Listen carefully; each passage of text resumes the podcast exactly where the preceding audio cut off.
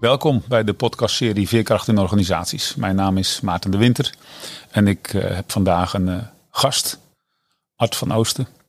Uh, als jij als kenniswerker in organisatie voor de taak staat om waarde te creëren, maatschappelijke waarde of waarde voor klanten, dan loop je er vaak tegenaan dat je afhankelijkheden hebt, dat er onduidelijkheden zijn, dat de werkdruk misschien hoog is.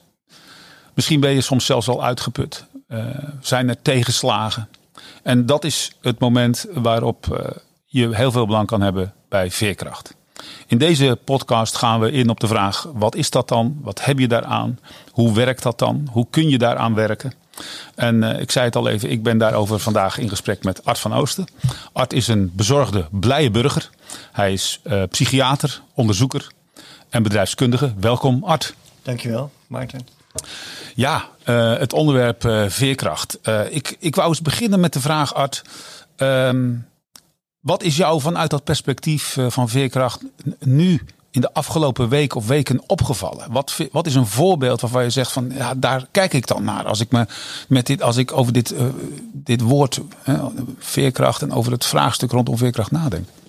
Um, waar ik naar kijk is met name deels maatschappelijke ontwikkeling. Uh, ik maak me best heel bezorgd over als je denkt over klimaat, als je denkt over grondstoffen, als je denkt over oorlog in Oekraïne. En ik zie dat ook om me heen. Mensen uh, ja, die zijn bezorgd over hun eigen toekomst, ja. over nieuwe generaties. Um, ik ben ook bezorgd als ik kijk uh, naar hoe we met elkaar communiceren. Als je mm -hmm. kijkt naar polarisatie, als je kijkt naar uh, het, uh, ja, de media inblazen van meningen, ja. weinig tijd nemen om te reflecteren, maak ja. daar ook bezorgd over. Als ik kijk naar veerkracht, waar ik heel hoopvol over ben, is uh, dat mensen bij machten zijn om zich aan te passen. Ja. En dat onder moeilijke omstandigheden ook de kracht van mensen naar boven komt. Ja. En waar we heel veel spreken over bijvoorbeeld over trauma en over uh, alle stoornissen, wordt heel weinig gekeken naar groei. Uh, en in dit geval bijvoorbeeld posttraumatische groei. Ja. We zijn heel veel bezig met alles wat er niet is, maar weinig met wat er wel is. En wat ik mooi vind is, wat mij betreft is veerkracht geen rocket science. Mm -hmm. Maar het gaat over dingen die we vaak niet doen of vergeten zijn. En daar ligt heel veel potentieel. Noem eens een voorbeeld van wat we vergeten zijn. Ja, letterlijk hoe processen werken. Ja. Wat ik altijd een mooi voorbeeld vind is, je gaat naar uh, McDonald's en je verwacht eigenlijk binnen één minuut dat een Big Mac voor je klaar staat. Als je daar behoefte aan hebt. Ja. En je drukt op een paar knoppen. En als dat niet gelijk gebeurt, dan denk je, wat is dit voor uh, tent? Ja. En waar slaat het op? Uh, en heel veel mensen vergeten wat er allemaal nodig is om die hamburger daar voor je klaar te maken. En wat er aan, aan uh, ja, boer, aan, aan uh, koe, uh, wat er allemaal vooraf gaat. En mensen zijn eigenlijk vergeten, of zo kijk ik naar wat er nodig is om al die processen vorm te geven. En hoe bijzonder het is dat het werkt. Ja. Um, en, en daar verbaas ik me dan weer vaak over hoe bijzonder het is als wij verontwaardigd zijn dat het niet werkt. Ja. Um, en, en ook hierbij, er is, uh, ja, er is zoveel te halen, uh, maar we vergeten het vaak. Dus één, uh, het zien van processen en daarnaast ook acceptatie. Dat is iets wat ik aan alle kanten nog steeds mis. Hier, staat, hier komt uh, jouw, jouw bedrijfskundige kant hè, komt hier naar voren. Ja. Hè, als je zegt, ik kijk naar processen. Uh, uh, en als je het woord acceptatie noemt, hè, dan is het weer dan is het eigenlijk de, de psychiater die aan het woord is. Hè. Dus het is toch ja. de mens in die organisatie, in die processen waar je, waar je passie zit. Absoluut. Ja. Absoluut. Ja. En mijn, mijn passie zit is het vermogen om te veranderen. Ja. En het vermogen om wat er is. Er hoeft vaak niet eens zoveel bij, maar wat er is, anders te benutten. We hebben, uh, we hebben met elkaar, uh, wij hebben, delen met elkaar uh, in ieder geval betrokkenheid bij de LinkedIn groep Veerkracht in Organisaties. En daar, worden, daar publiceer jij verhalen over, over je werk als psychiater. daar deel je, daar deel je meningen van anderen. Je schrijft korte samenvattingen van boeken. Um, van die, in een van die quotes uh, zeg je bijvoorbeeld: het leven draait om impact, niet om uren. Ja. Uh, kun, je, kun je eens vertellen wat je nou vanuit dit perspectief, hè, van die bedrijfsprocessen en vanuit die persoonlijke betrokkenheid en die rol van mensen en het, het, het, het, zien van mogelijkheden, wat je daarmee bedoelt? Um, ja, als je teruggaat naar impact, zit in, uh, in, in relatie, ja. niet in tijd. Uh, wat ik een mooi beeld vind is, er komt iemand bij een kunstenaar en die vraagt om een uil te tekenen. Ja. Um, en dan zegt die kunstenaar, kom over twee weken maar terug. Ja. En na twee weken um, nou, komt uh, de klant voorbij en die kunstenaar doet zo, uil. Uil. En die zegt 10.000 euro. Ja. En die klant is boos. Ja. En die zegt, wat maak je me nou? Voor die paar seconden, 10.000 euro? Gaan we niet doen. En die kunstenaar zegt, en die loopt naar zijn kast toe, trekt die kast open en daar komen 10.000 uilen uit. En wat ik wil zeggen is, die, die man heeft zijn uh, werk al gedaan, die investering is er al. Uh, en die tijd die, die is al elders geïnvesteerd. En het gaat niet over um, de tijd, maar over het resultaat. Over de kwaliteit. Um, en in dit geval zou ik zeggen, en wat ik heel moeilijk vind uh, in mijn rol als psychiater, in, wij zeggen dus uh, in de financiering, alleen op het moment dat wij elkaar zien, word ik betaald. Ja. En daar zit een hele perverse prikkel in. Want hoe meer ik jou zie, hoe, hoe meer ik word betaald. Maar dat zegt helemaal niets over uh, wat ik voor jou beteken. En ook niet over je eigen ontwikkeling. Dus daar, daar gebeurt iets bijzonders. Ja. Um, en dan we zitten in, even de draad kwijt Ja, we zitten in een model. Was, was de vraag. Ja, dat ging over het leven draait om impact, niet om uren. Hè. Dus, daarom, absoluut. Ja. dus daar gaat het om mis. En wat ik ook heel aardig vind, en dat is een beetje, ja, een beetje lullig gezegd maar over de psychiatrie. Maar ik vind het een heel mooi voorbeeld. Als je kijkt naar, jij hebt plannen met je auto. En je gaat naar een, uh, een garage toe. En dan na een week kom je terug. En dan komt een hele blije monteur.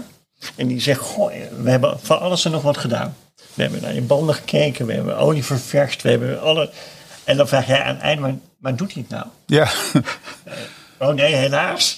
helaas. Maar we hebben ontzettend ons best gedaan. Ja. ja en daar zit hetzelfde in. Een soort vervorming. Uh, dat we letterlijk ons gezonde verstand een beetje kwijtgeraakt zijn. En dat we heel veel denken in als we maar dingen doen. Maar heel weinig stilstaan bij het resultaat. En ook, en ook de andere kant, wat ik super gaaf zou vinden als ik als psychiater, als ik in 10 minuten iemand enorm help, dat ik daarna uh, ja, uh, eh, 50 minuten heb om uit het raam te staren, bij wijze van spreken, om hem weer op te laden voor een volgende sessie. Ja. Weet je, de, de, de, kenniswerkers en organisaties die zoeken naar handvatten om, om, om vorm te geven, zelf ook aan, aan die veranderingen. En, eh, maar ze zitten natuurlijk in een bepaald verdienmodel. Ja. Die zitten in dat tijd is geld paradigma voor een, voor een deel dan. Hè. Maar, um, dus, dus het gaat er dan steeds om van hoe kun je vanuit jouw eigen rol invloed uitoefenen uh, op die context. Uh, binnen die context van waarde zijn.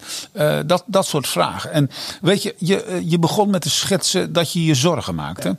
Um, uh, je schrijft op, in, een van je, in een van je blogs uh, schrijf je over een boek. Pioniers van de Nieuwe Welvaart. Dat is een boek van Kees Klomp en Nadine Maarhuis. En zij schrijven over de betekeniseconomie. En introduceren eigenlijk in dat boek drie pilaren van die betekeniseconomie. En dat zijn persoonlijke groei, hechte relaties en maatschappelijk impact. En wat, wat mij daar nou zo in opvalt, is dat als je dus dat, uh, als je dat ziet, die drie pilaren, persoonlijke groei, dat gaat over het individu in die organisatie.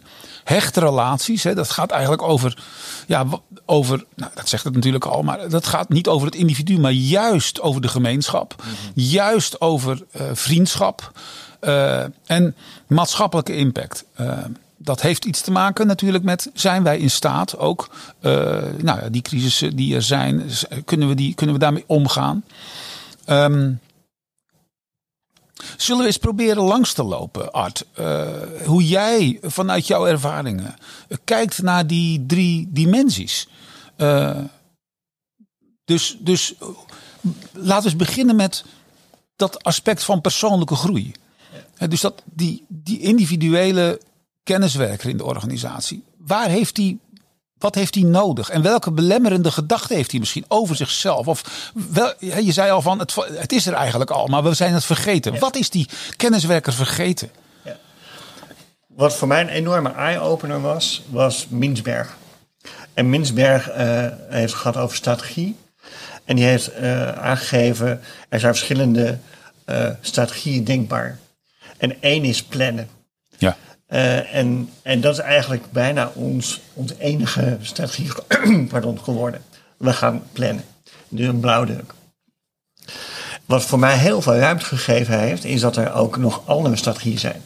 En dan gaat het over uh, een volgende stap zetten. Gewoon maar een volgende stap zetten. En dan daarna weer een volgende stap zetten. Of terugkijken en een patroon herkennen.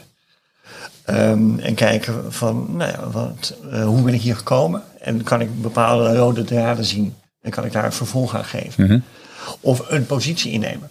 Gewoon elke keer hetzelfde doen. En kijken wat er gebeurt. Dus als je kijkt naar veerkracht en als je kijkt naar wat we vergeten zijn, of, of ons niet bewust zijn, want eigenlijk gaat het in mijn beleving steeds over bewustzijn. En uh, eigenlijk een volgende stap maken in je ontwikkeling van je bewustzijn. Dus wat al heel veel ruimte geeft in veerkracht, is dat plannen werkt, ja. maar eigenlijk alleen maar in een stabiele omgeving. Ja. Want als jij weet dat morgen de omgeving nog hetzelfde is, kan je plannen. Maar als elke dag alles verandert, dan is het soms veel beter om een volgende stap te zetten. En te zitten, wij, zitten wij te veel in dat paradigma van plannen, van, van Minsberg? Ja, absoluut blauwdrukdenken noem je het. Daar zijn we te veel uh, afhankelijk van geworden. Of wij, wij spreken die taal goed, maar de andere taal minder misschien. Wat, ja. En, en, en dan een van de voorbeelden die je dan daarin noemt is een positie innemen. Ja. Kun, je, kun je eens een voorbeeld noemen van wat je, wat je dan daarin ja. uh, zou kunnen doen? Nou, positie. Voor mij is dat heel uh, waardegedreven. Ja. Dus mijn, uh, mijn, mijn kern is vrijheid en wijsheid en ontwikkeling een soort driehoek. Um, en mijn, de positie die ik in probeer te nemen is maximale vrijheid. Ja. Um, proberen om, om ja, met wijsheid dingen te doen. En kijken of iets bijdraagt aan mijn ontwikkeling. Ja. En eigenlijk bij alles wat op mijn weg komt, weeg ik af of daar nog een soort balans in is. En dat klinkt wel heel, heel mooi. Dat is niet elke dag en soms vergeet ik het. Maar ik probeer die lijn te houden. En het mooie is eigenlijk, en dat gaat eigenlijk over intentie, ja? dat ik probeer die intentie vast te houden. En er zijn momenten geweest waarin ik me absoluut niet meer vrij voelde. En dan verlies ik mijn energie en dan verlies ik mijn veerkracht. En dat zijn momenten om opnieuw na te denken, en hoe nu verder? Dus eigenlijk voor mij is het positie innemen, elke keer kijken of de waarden die voor mij waardevol zijn, of die geraakt blijven worden. En of de dingen die op mijn pad komen nog steeds in lijn daarmee zijn. Ja, dat sluit heel goed aan uh, natuurlijk op dat uh, begrip uh, persoonlijke groei, hè, die pijler. Dus je kijkt eigenlijk, wat heb ik nodig om te groeien? Hè? In jouw geval is dat vrijheid, wijsheid. en, en, en sluit het daarop aan. Ja. Klopt dit bij mij? Ja. ja. Dan zullen we eens kijken. Ik ben ook heel benieuwd naar wat, je, wat je rondom het thema hechte relaties door te geven hebt. Ja.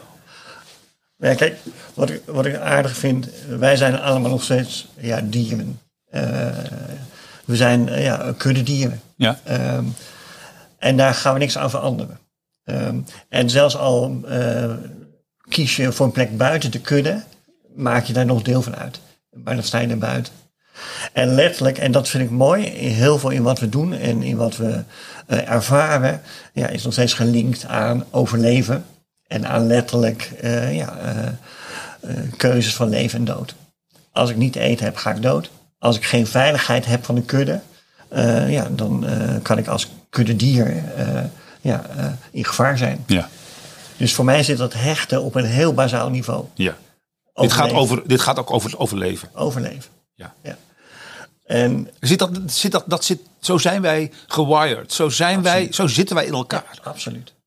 Ja, absoluut. Ja. Uh, en, en, hebben we daar onvoldoende oog voor, vind ja, je? Oh, ja. Ja? Uh, waar zie je dat aan dan? Um, nou ja, dan, dan heb ik het over uh, onze kennis van het brein eh, in, wij zijn ons in mijn beleving nauwelijks bewust van hoe ons brein werkt. Ehm, en ik geef vaak het voorbeeld van uh, ons koffiezetapparaat. Vaak zijn we beter op de hoogte hoe je daar een goede cappuccino uithaalt. dan dat je snapt wat je eigen brein doet. En, en hele basale dingen uh, die we vergeten zijn of niet weten, die nog stammen uit onze eigen geschiedenis ja, is het, het, deel, het hele basale deel, het limbische deel in ons brein, wat denkt in vechten, vluchten en bevriezen. En het deel wat dan zit voor in ons brein, uh, de prefrontale cortex, die kan reflecteren, kan overzien, uh, zinvol kan nadenken. Wat we vaak vergeten is dat daar rust voor nodig is. En dat daar veiligheid voor nodig is. En we zijn vaak heel verbaasd dat als we ons goede voornemens maken, dat we daar niet aan toe komen. Ja. Of dat als we onder druk staan, dat we opeens dingen doen die we niet van onszelf verwachten. En eigenlijk is dat de normaalste zaak van de wereld, als je je eigen geschiedenis kent. Als je, als je begrijpt hoe je brein werkt, dan begrijp je dat op het moment dat het in een organisatie psychologisch niet veilig is, dat je dan niet meer kunt reflecteren. En dat je dus dat je logischerwijs ook verkeerde keuzes maakt. Ja. ja. ja. En dat vind ik heel mooi. Uh, en voor mij is dat al een basis ook van veerkracht, dus acceptatie, ja. maar ook respect daarvoor. Als je een collega gekke bokkensprongen ziet maken, ja, dan uh, kan je daarvan uitgaan dat het heel vaak een normale reactie is op een bijzondere omstandigheid. En dat kan met het werk te maken hebben, het kan met de thuissituatie te maken hebben, uh, een ziek kind, mantelzorg voor ouders. Het kan een opstapeling zijn van en ziekte en dingen thuis en dingen op het werk. En, en dat is ook mijn hoop, dat we bijzonder gedrag uh, veel vaker gaan begrijpen als normaal in een bepaalde omstandigheid. Ja. Ja, dus dat we begrijpen dat als wij uh, naar een ander kijken, uh, naar het gedrag van een ander, uh, dat we daar wellicht empathischer voor zijn. Beter begrijpen dat dat in die context niet anders kan. Ja.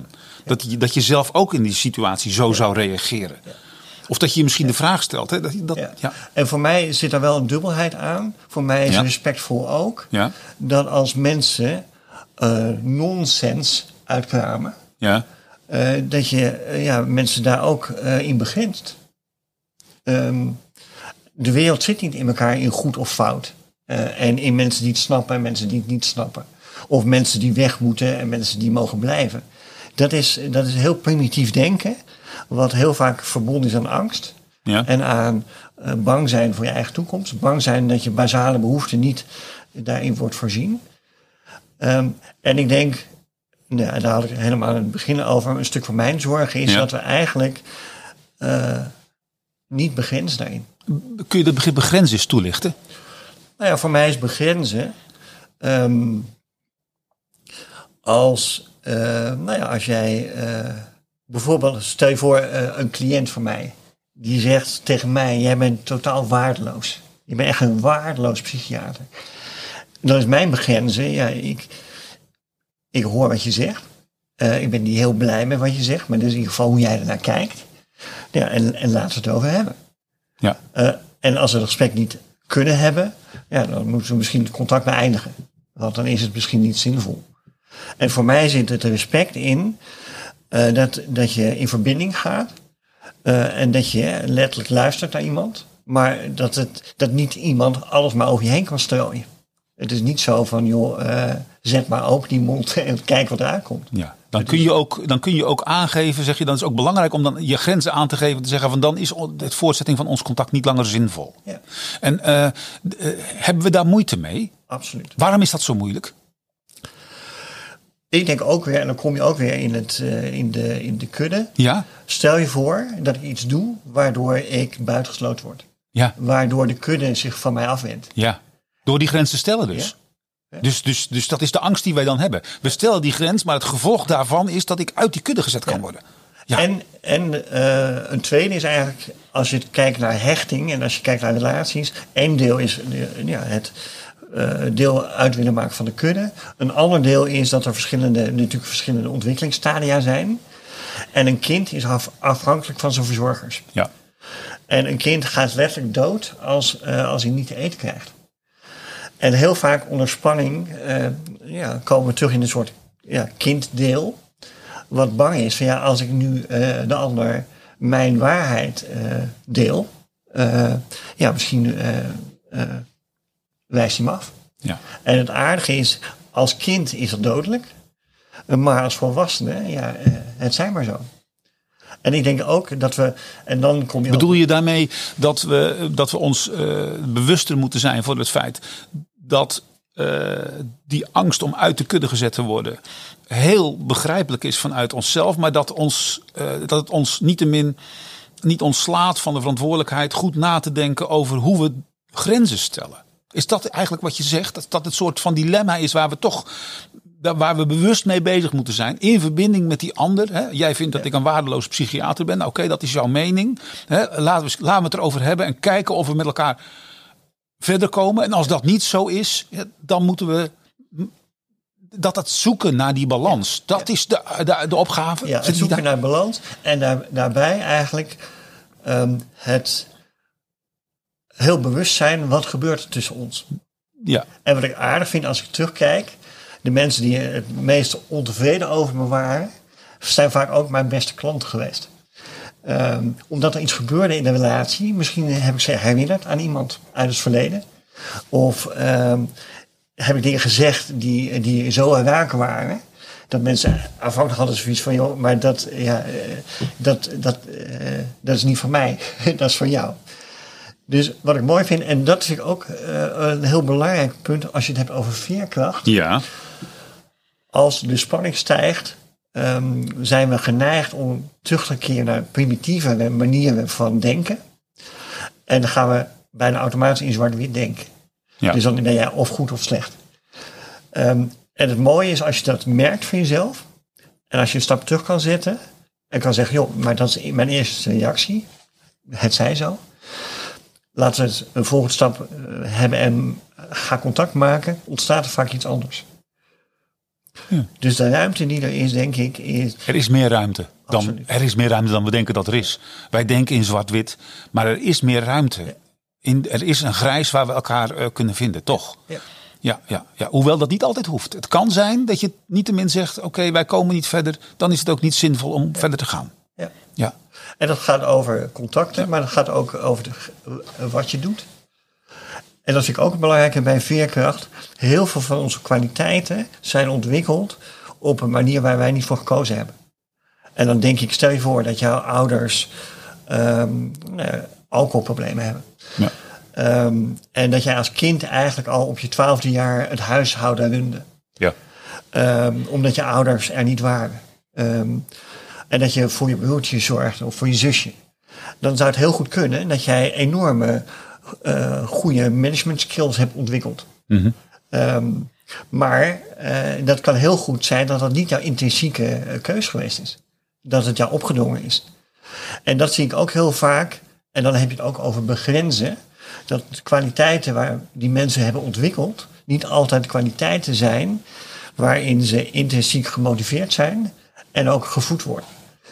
Um, en als je dus ook daarbij kijkt, dan is het je bewust worden van, nou ja, in welke mate uh, doe ik wat ik graag doe?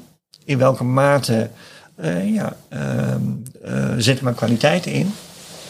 En ook in welke mate ben ik van buiten gemotiveerd of van binnen? Dat zijn allemaal handvatten eigenlijk om nou ja, met, met veerkracht aan de, ja. aan de gang te zijn. En dan kom je dus bij dat, dat ik deel ja, van ja, ja. persoonlijke veerkracht. Ja.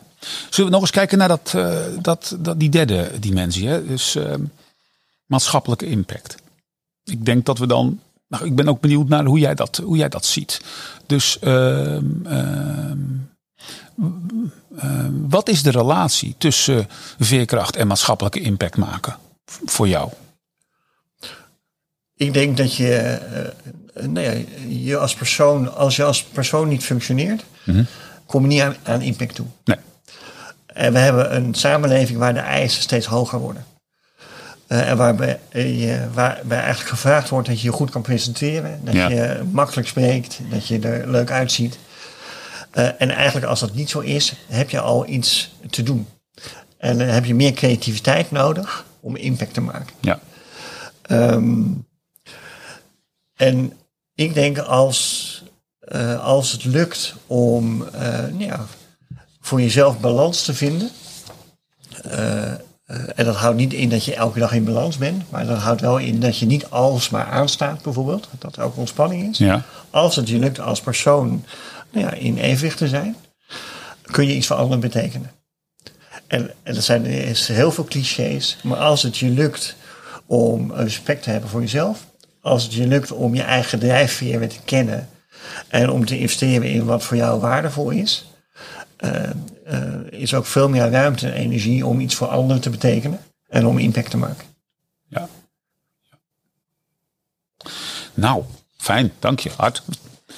Um, ik heb, nog, uh, ik heb nog wel een vraag. Uh, we gaan een beetje naar de afronding toe. Je hebt heel veel verteld over hoe je, hoe je kijkt naar, het, naar wat belangrijk is bij de ontwikkeling van veerkracht. Uh, je ziet ook natuurlijk dat daar op tal van plaatsen aan wordt gewerkt. Hè? In, de, nou ja, ik zeg maar even, in de professionele gemeenschap, waar wij beide een onderdeel van uitmaken. Die, die bezig zijn met, met het verbeteren van organisaties, met het begeleiden van transities. Um, Waar gaat het naartoe? Wat, wat zie je goed gaan? En waar maak je je nog zorgen over? Als het gaat over de kennis die we meenemen om die organisaties te verbeteren. Om mensen daarin beter te laten functioneren. Um, ik zie heel veel, en dat ik ook een heel mooi begrip, een meervoudige werkelijkheid. Ja? Ik zie heel veel uh, werkelijkheden naast elkaar. Dus ik zie uh, mensen op traditionele of, uh, ja, manier samenwerken. Dus bijna hiërarchisch. Ja. Ik zeg wat jij moet doen. Ja. En soms werkt dat, maar Mhm. heel vaak werkt dat niet meer. Met name met jonge generaties. Ja. Um, ik zie heel veel jonge mensen, uh, bevlogen jonge mensen met nieuwe ideeën. Ik zie heel veel, heel veel energie. Ik denk dat het de kunst wordt. En, ik, en daar zie ik wel een verschuiving in. Ik denk dat um, heel lang mensen in dienst stonden voor processen. Ja. En dat de processen nu steeds meer in dienst staan van mensen. Dus letterlijk, uh, ja, hoe kunnen wij met elkaar samenleven? Uh, op een manier waarop we nou ja, energie krijgen, naar ons zin hebben. Soms ook niet. Dat is ook de acceptatie. Een deel van het leven is gewoon naar. Maar heel vaak kunnen we dan zin hebben. En ik zie een verschuiving van hoe kan je in communities samenwerken op een manier die voedt en daarbij impact geven. En ik denk dat timing dan heel erg belangrijk is. En heel belangrijk is dat je niet het individu losknipt van de organisatie. En dat je zegt, goh, we moeten het individu veerkrachtiger maken. Maar dat je de organisatie ook veerkrachtiger maakt. En dat er balans is in wat is er in de omgeving, in de organisatie nodig. Uh, en dan gaat het over, uh, ja, zijn processen logisch ingericht? Bijvoorbeeld heel praktisch. Hè? In mijn agenda staat alles aangesloten. Dus ik heb 30 minuten en 30 minuten, 30 minuten. Ja. Soms op verschillende locaties, intern. Ja. ja. En je weet eigenlijk van tevoren al, dat, gaat niet werken. En daar hoort minstens 10 minuten tussen. Maar we doen het wel. Omdat die dingen zo ontworpen zijn. Ja, en, en als je dat niet verandert, en je gaat een pep talk houden tegen mij. Van joh, ga ervoor. je kan het. Ga niet werken. Nee. En het werkt averechts. En ik denk dat de kunst is om uh, zowel uh, de organisatie ja, te optimaliseren, klinkt zo naar, maar om een organisatie te maken die voedend is en die uh, doet waar die voor bedoeld is. en dat je daarnaast mensen helpt om op hun plek te zitten. En dat vind ik ook nog een aardige. Heel vaak is gedacht in functies. We hebben een functie en wie hoort bij die functie? Ik denk ook als je kijkt naar de schaarste van de arbeidsmarkt, ja.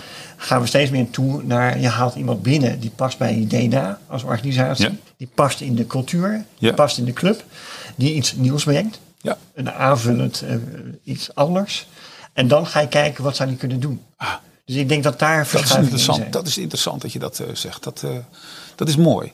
Daar liggen misschien ook wel weer dingen die we nog op kunnen pakken. Absoluut. daar kunnen we ja. beter in doen.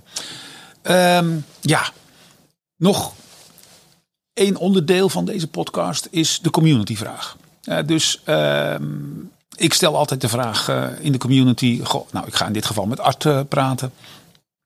Wie heeft een vraag? En in dit geval is dat uh, Torsten Bakker. Ehm, Torsten, ik ken, ken Torsten persoonlijk ook, ook, ook, ook goed. En hij vraagt jou, wat is nou jouw top drie van boeken? Welke boeken zouden we moeten lezen? Ja, ik heb ze meegenomen. Ik oh, wat leuk. leuk. Ontzettend leuke vraag. Ja. Leuke vraag. Mijn eerste boek, en ik zal heel even kijken waar die. Ja, hij is helemaal vergeeld. Hij is helemaal vergeeld, ja. Nou, ik denk dat het uh, minstens 30 jaar oud is. Kijk heel snel, maar ik kan niet zo ja. snel vinden. Dat is de Seven Habits of Highly Effective People ja, van Stephen, Covey. Ja. Uh, voor mij was dat uh, een, een, hoopgever. heel veel dingen die ik niet snapte, heeft hij mij helder gemaakt. En dat gaat over simpele dingen. als je de zaag niet scherp houdt, dan ben je enorm hard aan het zagen, maar gebeurt er niks. Ja. Dus zorg goed voor jezelf. Ja. En wat ik een hele mooie vind in zijn boek is, um, als individu ja, uh, ben je machteloos. Je hebt elkaar nodig. Mhm. Wij zijn allemaal van elkaar afhankelijk. En het slaat eigenlijk nergens op om te zeggen, joh, ik kan het niet meer eentje. Nee. Dat is gewoon nonsens. Um, nou, er zijn een aantal dingen. En wat ik hele mooi vond bij hem is, begin bij het eind. Dus dat je nadenkt over het resultaat. En dan terugrekent van wat is er nu nodig. Ja, super. En heel vaak verzanden we in heel veel actie zonder dat er resultaat Ja, leuk. Ja, dat is één. Ja, Stephen Covey. Een tweede, uh, dat is eigenlijk Minsberg, die ik al noemde, de strategie. Voor mij heeft dat heel veel betekend. Dit is de uh, strategy process. Nou ja, een boek uh, wat ik vandaag even opnieuw doorgebladerd heb. En wat ik gaaf vind, ik heb daar heel veel in onderstreept. Ja. Dat is weer zo'n oud iets om even op terug te kijken. Maar Minsberg, het alles kijken naar strategie en deels afscheid nemen van plannen. Omdat de wereld zo uh, verandert dat plannen vaak niet werkt. Een andere manier van kijken. En deze, als de laatste, de Go-Giver, heeft mij ook heel veel hoop gegeven. Go-Giver van? Hij is van uh, Bob Burke en John David Mann. Ik ken dat boekje niet. Kun Nee. je er iets over vertellen? Eigenlijk is een, een parabel Ja. over een, eh, een man die eh, heel actiegericht is. En het met name eh, inzet om te krijgen, te ontvangen. Ehm, en dat werkt niet. En eigenlijk gaat het over, en dan waar we het net over hadden, een manier- nieuwe manier van samenwerken. Ehm, en dat is eigenlijk ook een bijna een nieuwe filosofie. Ehm, door te geven, ontvang je ergens. En misschien niet eens van de, degene die aan tafel zit, maar misschien ergens anders. Dus eigenlijk is eh, het verhaal de go-giver iemand die leert om eerst te geven eh, en niet eh, zich druk te maken over de ontvangst. En ik snap ook voor heel veel mensen is dat een utopie. Als je schulden hebt, als je ja, bang bent dat je je bedrijf dat je niet gaat halen, is het heel moeilijk om die mindset vast te houden. Maar ik denk wel dat die werkt. Het gaat hier, om, het gaat hier ook weer om, eh, eh, dat is de, de rode draad in ons gesprek, eh, is, is wij zijn van elkaar afhankelijk. En als je denkt dat je, dat je het alleen kan, hè, en ja, dat is een, een doodlopende strategie. Ja. En kom met kwaliteit. Ja. En, en ga ervan uit dat het herkend wordt. En misschien niet vandaag, misschien morgen niet, maar er komt een dag dat het herkend wordt. Art, dankjewel. Fijn voor eh, dit gesprek. Eh, luisteraars, ik eh, bedank jullie ook voor je aandacht. Mocht je nou meer willen weten over verhalen willen lezen, meld je dan aan bij de LinkedIn groep Veerkracht in Organisaties. Mocht je belangstelling hebben als organisatieprofessional om aan de slag te gaan met kennis rondom de ontwikkeling van veerkracht, kijk dan eens op de website van Veerkracht College. Einde van deze podcast. Ik wens jullie allemaal een hele fijne dag.